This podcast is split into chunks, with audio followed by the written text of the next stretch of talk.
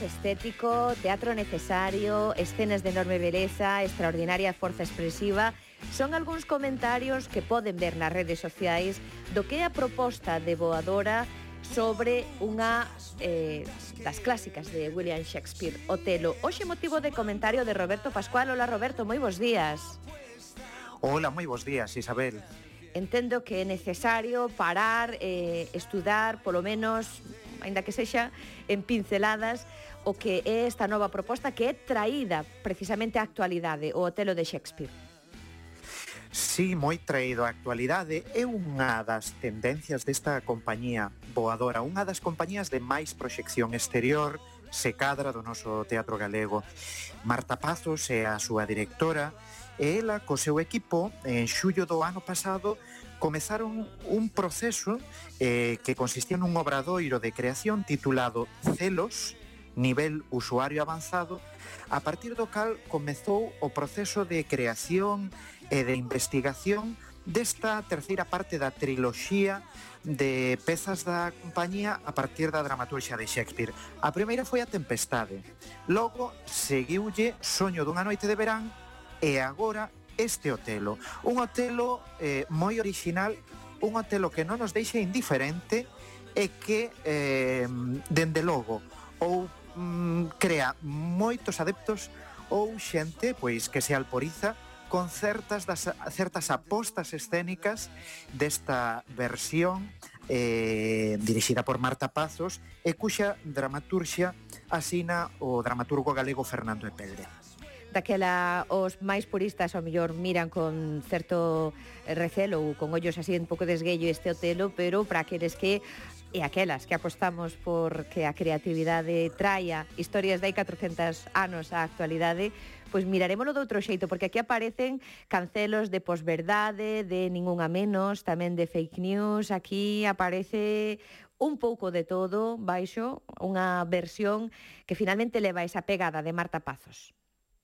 Sí, sí, é unha aposta pola creatividade, pero tamén polo rigor. Hai un rigor de eh, traballar a partir da, da investigación, pero tamén de conexión, de conexión empática, eh, porque como nos dicía eh, a activista e a artista Susan Sontag hai máis de 40 anos, máis ca unha hermenéutica da arte, precisamos se cadra con máis intensidade unha erótica da arte. Este é un espectáculo visualmente atractivo, eh, pero non desprovisto do contido, dos temas eh, que eh, están no propio texto do, do bardo inglés. Eh, naquel obradoiro do que vos falaba o ano pasado, a compañía eh, preguntábase sobre a relación entre a violencia de xénero e a posverdade no século XXI, pero tamén tamén sobre a relación entre Otelo e Desdémona a luz dos nosos tempos. Mm, e outras cuestións, eh, como a reflexión de sobre os, algúns personaxes como Rodrigo, Casio e Brabantio, que están eh, na peza original, sobre a construción de novas identidades masculinas, pero tamén a cuestión racial, eh, eh, eh, eh, eh, eh, pois algunhas cuestións políticamente incorrectas. Aquí vemos unha, unha serie de apostas na, na, no espectáculo de Boadora como unha desdémona maior cautelo, que é un símbolo, en certa maneira, do apoderamento feminino, pero aínda así, aínda que o relato dramatúrxico e a presentación da historia de Desdémona está eh, construída dende ela mesma, ela ponlle voz e ela guía nos, ela é o foco de presentación de toda a trama, igualmente a traxedia, por moito que a peza teña un ton de comedia, vai seguir sendo a mesma e o resultado final vai seguir sendo o mesmo, que é a crueza e a traxedia do feminicidio. Desdémona, igualmente nesta versión de Boadora, acabará morrendo en mans de, do seu amante eh, non facemos spoilers porque esta é unha peza moi coñecida, eh, que tivestes 400 anos para para poder saber dela. Quixera que comentaras un pouco do que supuxa a coproducción coa MIT de Rivadavia, tamén co Teatro Abadía, onde creo levan varias semanas con representacións eh, e tamén, bueno, polo seu paso polo Galicia Escena Pro en Compostela neste mes de xuño. Sí, e tamén está outra pata da coprodución que é a parte portuguesa, o Teatro Nacional San João. É moi habitual en Boadora que busque distintos coproductores neste afán que comentábamos ao principio de proxección exterior da compañía e tamén no seu desexo de indagación e investigación. Precisamente, o Teatro da Abadía aposta por ser un laboratorio de experimentación e de creación eh, onde eh, novas directoras ou novas dramaturxas eh, se dan se dan a coñecer apostando pois pola canonización tamén da creación contemporánea. Eh, eh, aquí hai, eh, como dicíamos ao principio, quen di que certas estrategias, tácticas, astucias de Shakespeare aquí están reducidas. Eu creo que máis ben están sinaladas, esencializadas eh, por unha lectura feminista dun espectáculo que en ningún momento quere lanzar ningunha tese moral, senón que nos quere presentar eh, pois eh, o, nesa aposta proposta da dramaturxa de Fernando Epelde que mestura treitos orixinais, ás veces en algunha escena lidos, eh, con outros tramos non verbais onde se sintetiza nun xesto, nunha acción ou nunha música ou en risas enlatadas, eh, todo o que significa esta peza, o carnaval veneciano, a farsa abufonada do inicio, en contraste coa traxedia depurada do final e do, da forza do, do feminicidio que pode alporizar a, algunha cana carente do vigor e da apertura mental que pode ver eh, eh, como, como mellor pois eh, se utiliza o marchamo de Shakespeare para eh, unha creación nova. Diso se trata tamén non das coproduccións, apostar eh, polas, eh,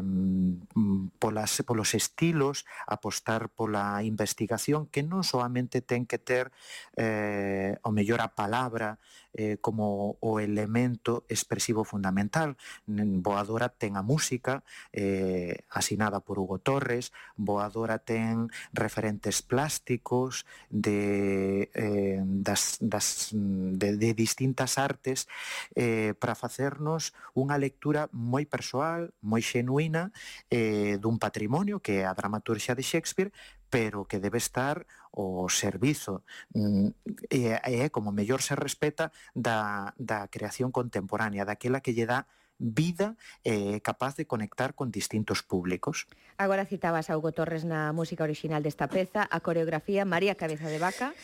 o traballo da palabra Miguel Cubero, eh, no vestiario Silva de Lañó, que entendo que tamén eh, hai unha actualización non creativa ao respecto na iluminación Nuno Meira, e no reparto Joaquín Abella, Ángel Burgos, Ana Smith, Chumo Mata, Maripaz Sa Sayago, eh, o propio Hugo Torres. Entendo que é un traballo que falábamos dunha coproducción de varias eh, iniciativas que sobre as que se apoia Boadora, tamén un traballo colectivo de moitas mentes creativas e sabedoras en distintas disciplinas das artes escénicas para esta aposta de Otelo de Boadora que insistimos, con éxito de público, con moitas representacións no Teatro Badía, que era unha das coprodutoras desta peza, e que entendo que tamén éxito da crítica. Eu estive vendo algunhas das críticas que teñen que ver con esta peza, e tamén daquela, bueno, aina que ten en conta, ou okay. que? Absolutamente, é unha Marta Pazos, é unha directora que hai que ter moi en conta, eh, non solamente por estas pezas, hai uns días tamén podemos ver outra produción dela en Santiago de Compostela, eh, unha, unha posta en escena a partir dun texto de Lorca, con produción co Teatro Lliure de, de Barcelona, é unha directora que tamén dirixe ópera, é unha, eh, un unha creadora escénica eh, moi moi moi interesante eh E que agora está que non que... para, está con moitos proxectos, nos facemos ya seguimento. Uh -huh. Eh entendo que vacacións non ha de ter moitas porque está con varios proxectos á vez, todos eles ben interesantes e bueno, imos aquí dando conta deles no Diario Cultural. Hoxe motivo de comentario este hotelo de Boadora que eh, non sei se si chegaremos a velo na mi de Rivadavia, me pregunto eh, eu así, como a quen O ser coprodución, pois seguramente é unha pista importante para ter en conta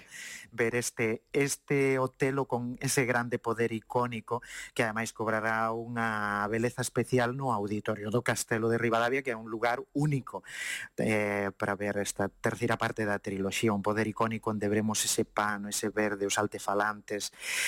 eh, ese Otelo que nos permite reflexionar sobre a súa condición tamén. Un Otelo que aquí eh, nos quere facer reflexionar Boadora se é víctima ou se é verdugo ou se é as dúas cousas en realidade. Interesante, interesante. Como sempre, escoitar a Roberto Pascual. Grazas, ata a vindeira semana.